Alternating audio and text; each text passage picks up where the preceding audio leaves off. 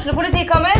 Ine Jansen er purk. Er du purk? The motherfucking bitch. Alt jeg vil, er å finne ut hva som skjedde med mannen min. Jon Carew. Er jeg sikta for noe? Iben Akeli. Det er du.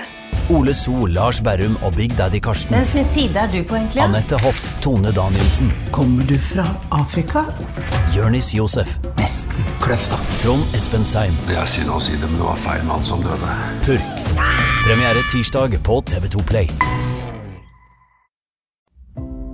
Hei, og velkommen til podkasten Fastlegetimen. Dette er podkasten for hverdagsmennesker med hverdagsproblemer, der du får din ukentlige dose av livsmestring og hverdagsråd. Har du kjent på at livet i perioder kan være nokså kronglete? Eller lurer du på hvordan du kan styrke båndet til partneren din? Eller kanskje du leter etter svar på de plagene som du har kjent på lenge? Og da har du kommet til Redd podkast, for her gir vi, Katrine Abrahamsen og Siri Dalsmo Berge, deg ekte historier, ærlige innsikter og gode råd. Vi er begge fastleger og forskere, i tillegg til at vi til sammen har nesten 100 år med egen erfaring i det å være menneske. Så da hopper vi inn i dagens episode. Godt nyttår, alle sammen. Det er jo, eh, nå er det blitt 2024, og vi er rett og slett i gang med sesong to av Fastlegetimen. Det er jo litt gøy. Det er vi, Siri. Godt nyttår. Og egentlig så skulle vi vært sammen i dag, men eh, vi har rett og slett snødd inne. Så du kunne ikke komme deg fra Arendal eh, og hit. Og eh, nå har vi akkurat fått måka oss ut her, så jeg kunne kanskje kommet. Så derfor så er vi på eh, digitalt. Ja. Og det er jo fint at det går an å gjøre det. Å ta noen, noen innspillinger digitalt òg. Det har jo kommet mye snø, eh, og det er jo mye gøy med snø, da. Um, og litt jobb med måking. Mannen min var ute og måka syv timer i går, så han, eh, han følte seg ganske forsynt. Men det er liksom litt deilig. Det er, det er noe litt forfriskende. Det er lyst. Og kanskje er det sånn vi skal tenke litt om det nye året òg, at det kan være litt sånn, ja, litt sånn litt hvitt. Det er jammen sant. Har du huska å takke mannen din da, for at han eh, måka i sju timer i går? Eh, ja, jeg, jeg tror det, men han, jeg syns ikke han fikk Jeg syns ikke han fikk nok kred for det. Men eh, han, eh, han var helt som en vaskefille når han kom hjem i går. Så eh, det var sånn at jeg måtte bære hunden vår ut av gårdsplassen for å kunne gå tur på veien. Ja. Så eh, ganske ekstremt, ja. ja da, men han bør få en ekstra takk i dag. Det, det skal jeg huske på, faktisk. Nei, For det vi skal snakke om i dag, det er jo nettopp litt det her med, med parforholdet. Hvordan det er i jula, og hvordan det kan være nå etterpå. Etter jula, etter nyttår. Etter en har hatt Ja. en ferie sammen. Var det vi snakka litt om. Ja, for at det, det er jo sånn at For å være helt ærlig, jeg syns ikke alltid juleferien er så veldig avslappende. Altså det er utrolig mange oppgaver før jul. Så er det masse familieselskaper og middager og opprydning og oppvask. Og dagene er korte. Jeg tenker at ofte så kan ofte ferie være litt slitasje. Og juleferien er ofte en ferie hvor noen stuper inn i litt slitne fra før. Ja, det er akkurat det.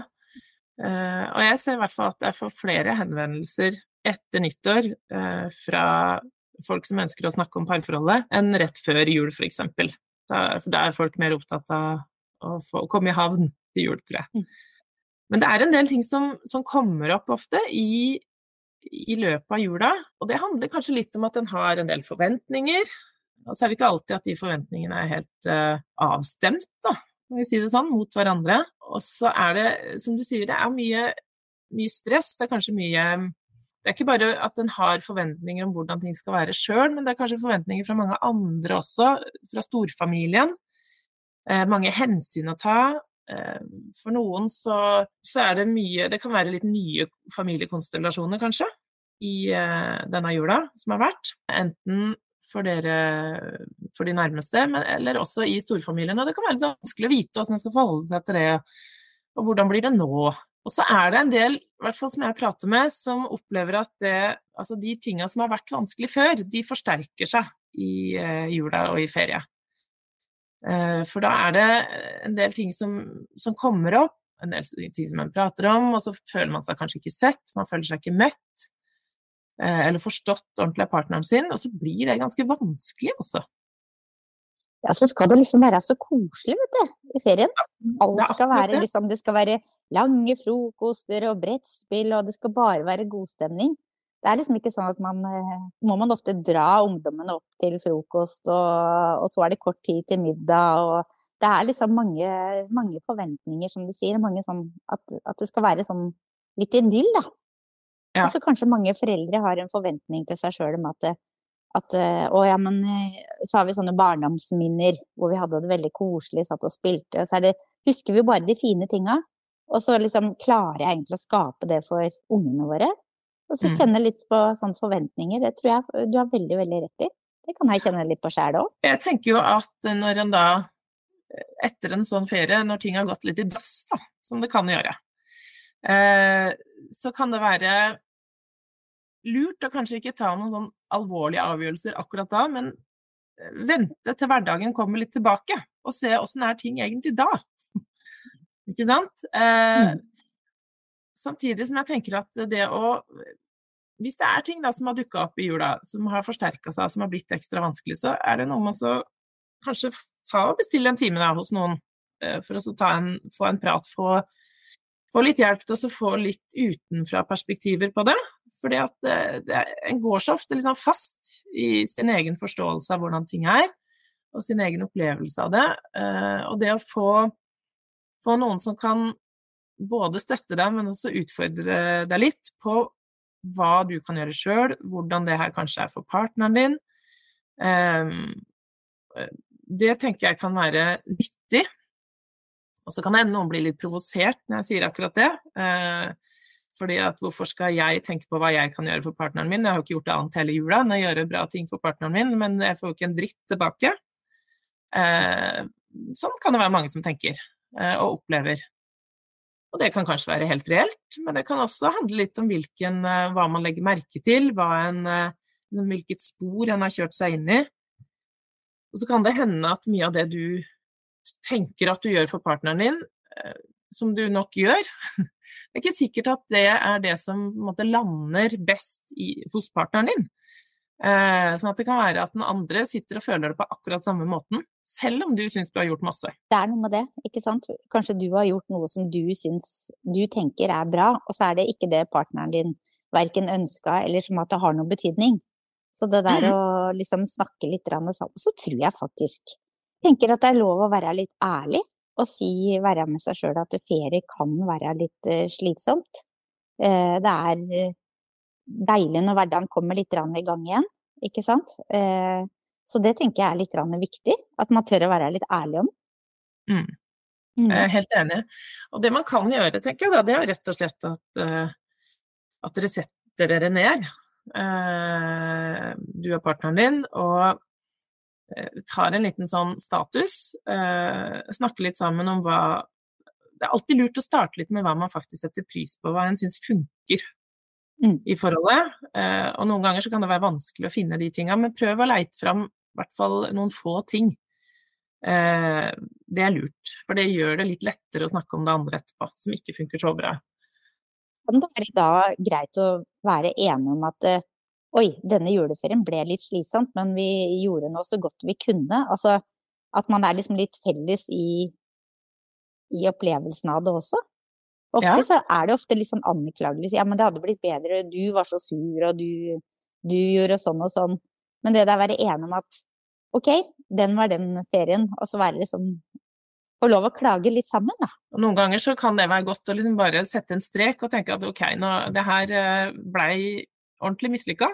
Det her, det her funka ikke, det her fikk vi ikke til. Nå bare Mm. Setter vi en strek, og så prøver vi på nytt. Det er en mulighet. Men det kan være litt viktig av og til å, å få mulighet til å si noe om hva som blei vanskelig.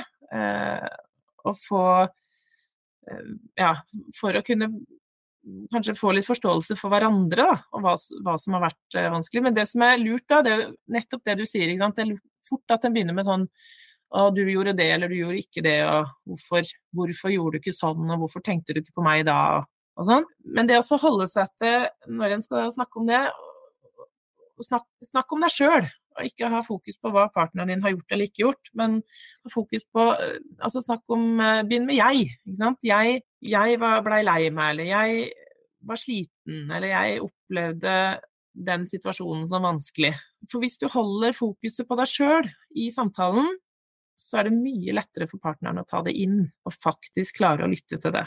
For ellers så er det veldig lett at partneren går i forsvar, det er en helt naturlig reaksjon. Så, så det å kunne både si litt om hva en uh, anerkjenner, hva en setter pris på med det som har vært, men også da kunne si noe om det en syns er vanskelig ved å fokusere på seg sjøl, snakke om jeg hva jeg føler. Og så er jo da utfordringa uh, for den som sitter og lytter, og da klare å vise forståelse tilbake. Ja, det er ikke alltid så lett. Og Det som er viktig da, når du skal vise forståelse tilbake, det er at det å vise forståelse, det er ikke det samme som å være enig. Du trenger ikke være enig i noe av det som er sagt, Eh, men det går faktisk an å vise forståelse likevel. For det går an å si noe om at jo, hvis jeg tenker, at, tenker på det ut fra din situasjon, ut fra dine forutsetninger, ut fra din personlighet, ut fra dine erfaringer tidligere, altså hvis jeg prøver å ta på meg dine sko, så kan jeg skjønne at det kan oppleves sånn. Og det er en måte å vise forståelse på. En enklere måte det er rett og slett å, å bare rett og slett si noe om at ja, det høres jo ganske vanskelig ut, eller det, det skjønner jeg har vært vondt. Ja, sånne enkle, enkle små utsagn som det kan være nok til at en føler seg forstått. Mm. Og det er ikke det samme som å si at du er enig, eller at du tar på deg all skyld for det som er skjedd. Eh, for det er noe helt annet. Eh, og det er ikke så viktig heller. Det viktigste når det er en sånn vanskelig greie som en skal snakke om, det er jo ikke å løse det eller å finne en, eh, liksom, den perfekte løsning eller at alt blir bra, men det er å, å vise, altså klare å forstå hverandre og vise at en forstår hverandre. Det er mye gjort, altså, hvis en får til det. Så definere problemet, altså bli enige om hva er det vi syns er vanskelig, ikke sant? Ja, og det kan jo være veldig forskjellig. Mm. Eh, og det er ikke sikkert at en nødvendigvis klarer å bli enige om hva som er vanskelig, for det kan være veldig det kan være to veldig forskjellige ting som er vanskelig for hver enkelt. Eh, men det er det litt med å anerkjenne at ok, det er vanskelig for deg, og det her er vanskelig for meg. Hvordan kan vi få til det, finne en måte å håndtere det på sånn at det funker for begge. Og Noen ganger så er det lett å finne en sånn felles problemforståelse, og noen ganger så, så er det vanskeligere. Hva er det folk krangler mye om da? For jeg tenker ofte så er det jo sånn at det ser i hvert fall jeg på fastlegekontoret, at eh, det der å ha litt forskjellig innstilling og sånn og være uenig kanskje litt om barneoppdragelse. Eller bekymringer for barna, ikke sant. Og det, det, er klart at når man har vært sammen på en hytte eller eh, inne i et hus eh, innesnødd over litt tid, så kommer jo ofte liksom litt både positive og dårlige sider fram hos, hos alle sammen. Så hva er det folk krangler mest om, eh, Siri? Akkurat det med barneoppdragelse er en sånn typisk ting. Ikke mm. sant? Som er vanskelig fordi at den er jo ofte litt forskjellige som typer, og så har man kanskje litt forskjellige eh, holdninger. Og ikke minst har man gjerne forskjellige erfaringer sjøl fra åssen man sjøl ble oppdratt. Eh, jeg tenker at det kan være litt fint også at man er forskjellige, fordi at da får ungene eh, forskjellige ting. Det kan, eh, ja, de kan få det beste fra to verdener, ikke sant. Det er to måter å håndtere ting på. Det er nyttig læring for ungene. Men andre ting, det er jo typisk sånn husarbeid, ikke sant. Fordeling av oppgaver, ting som må gjøres. Det er jo også sånn typiske ting. Sex kan òg være en sånn typisk krangleting. For mye eller for lite, eller uh, ikke sånn jeg hadde tenkt. Men det vi ser da, når en begynner å grave litt, for det er jo ofte mange lag i sånn krangling det, Hvis du graver litt ned fra de derre liksom ja, Det som kanskje kan ses på som litt sånn småting, eller egentlig bagateller ikke så viktige. Hvis man går litt ned i litt dypere lag, så handler det ofte egentlig om noe annet. Og noen jeg snakker med, de sier at ja, vi begynte liksom å krangle om en sånn liten filleting, og så plutselig så viste det seg at det handla om noe helt annet, og jeg skjønte ikke når det der switchen kom. Eh, jeg ante ikke plutselig, så jeg trodde vi fortsatt snakka om den oppvasken. Eh, og så sier partneren min at nei, nei, det er jo ikke det det handler om, det er ikke det vi snakker om. Vi snakker om noe helt annet, vi snakker om du er glad i meg eller ikke. Og da er det mange som eh, rygger og, og tenker Å, når skjedde det at vi bytta tema? Bytta emne? Men det skjer ofte. Ja, Så det er liksom om å gjøre å komme inn i det der kranglemoduset litt, eller det der hvor man på en måte åpner litt opp for hva bekymrer Det er nesten sånn som på fastlegekontoret, det sier de, at når pasientene går ut av døra, så er det ofte da de kommer med det mest alvorlige symptomet, det de er mest mm. bekymra for. Og forresten så har jeg hatt brystsmerter, eller, eller noe annet. Og sånn er det kanskje hjemme òg, når vi krangler, at vi må liksom holde på en stund. Bli litt varme, og så kommer det kanskje til det det dreier seg om. Noen ganger så er det sånn, for det er jo ikke alltid en sjøl heller skjønner helt hva Altså en kjenner på et eller annet ubehag, og så skjønner en ikke nødvendigvis helt uh, hva det handler om. Uh, hvilken følelse uh, representerer det ubehaget. og det no, altså det er klart, Noen ganger så må en krangle en stund, men samtidig så er det ikke alltid at det funker heller. For for noen så bare eskalerer det, og så blir det bare vondt og vanskelig, og så kommer man aldri til de der dype, gode samtalene. Eh, så kanskje vi kan si noen ganger må man prate en stund, da. før, en, eh, før en kommer til, liksom ned i laget. Og det handler jo òg litt om det også eh, at en føler seg litt fram i forhold til partneren på Tåler partneren å høre dette her? For det er ofte når man kommer litt ned i de dypere lagene, så handler det om ting som er ganske sårbare, og ikke så lett å snakke om. Kanskje jeg føler en litt skam i forhold til det. Og det å skulle åpne det, brette ut det for eh, eh, den andre, eh, det krever at en kjenner på en trygghet i situasjonen, en trygghet i relasjonen, og en, en, trygghet for at den andre klarer å ta imot det en kommer med. Sånn, altså Apropos parallellen til fastlegekontoret, sånn er det jo også litt tenker jeg, i forhold til pasienter. Da. De også trenger å bruke litt tid på å opparbeide en trygghet i relasjonen eh, noen ganger i den timen, men ofte hos oss så blir det litt sånn over tid. Med flere konsultasjoner så opparbeider pasientene en eh, trygghet og tillit til oss som gjør at de også etter hvert tør å lette litt mer på lokket og teste litt ut tåler vi det de sier nå. Ja, det gikk visst fint. Eh, og så sier de kanskje litt mer neste gang. Og jeg tror ikke det er sånn veldig bevisst handling, men det er en ganske menneskelig måte å, å gjøre det på i forhold til å, å ja, og tørre å åpne seg da, tørre å være trygge relasjoner. Jeg hadde lyst til å bare si en ting til før vi nå må runde av etter hvert, eh, Siri. Og det var sånn, Ofte så opplever jeg at når pasientene kommer det, sant, det, dreier seg ofte mye om bekymringer for barn, eller om barneoppdragelse. Og det er jo ofte damer som kanskje forteller oss om det, da. I hvert fall er det min erfaring. Det er ikke så ofte at menn kommer med sånne bekymringer på fastlegekontoret. Og da, ja, men hva tenker mannen din? Nei, han bekymrer seg ikke. Nei, men Eh, er dere like glad i barna? Ja, det er vi. Vi er jo like glad i barna. Ja, men da kan du kanskje dele litt av hans eh, oppfatning om ting. Altså det derre skape det, altså det man har felles med barna, da. At de At man er på en måte like glad i dem. Sånn at eh, jeg tror kanskje noen ganger så er det min erfaring at man kanskje som dame tenker at ja, men jeg bryr meg mest fordi jeg bekymrer meg mest. Men det er jo ikke noe samsvar på det. At det kan skape en sånn fellesskap om at ok, men barna har vi felles, vi bryr oss like mye om ungene, det er fakta. Og, mm. og hvordan kan vi da bruke Hvis noen takler det bedre, f.eks. mannen min takler eh, noen ting bedre, så takler jeg det andre ting bedre. Så man liksom blir litt enig, da. Absolutt. Og det tenker jeg det kan jo hende vi kommer inn på på en annen episode også. Litt det der med hvordan en kan fordele og spille på hverandres styrker. Eh, i forhold til ungene. Jeg tenker det er absolutt sånn at I noen perioder så kan det være at den ene av foreldrene kan håndtere enkelte ting bedre med barna enn den andre. Og så kan det kanskje være fint da, at den som eh, håndterer det best i den perioden, bare tar seg av det da. Og så kan en bytte seinere. Helt avslutningsvis, hvis du har problemer i parforholdet og kjenner at nå trenger vi litt hjelp, helt konkret, hvor skal folk henvende seg? Da er det flere muligheter. Eh, det går an å henvende seg til familievernkontoret, som finnes over hele landet. Det er gratis. Kjempebra tilbud. Og man kan få hjelp både i forhold til parforhold og også i forhold til barn og, og, familie. Hvis ikke det er sånn at det er så lett å dra to stykker av gårde, så går det også an å ta opp det her med fastlegen og få litt samtaler rundt det. Det er ganske vanlig å snakke med fastlegen om de tinga her også. Så finnes det noen andre tilbud òg. Det finnes en del private samlivsterapeuter. Det er noe som heter Vi-appen som er en app om kanskje noen har sett, eh, hvis ikke går det an å gå inn på den og se. Og der er det også tilbud om eh, digitale parsamtaler med flinke folk. Det hørtes jo kanskje litt lurt ut, da, for jeg tror min erfaring er at det er mange som syns det er en litt terskel å oppsøke familievernkontoret. De tenker at ok, det er bare for de som skal skille seg, men det er jo ikke det. Absolutt ikke. Det, og det tenker jeg er litt viktig å få sagt. Altså, de vil jo gjerne at folk kommer tidligere.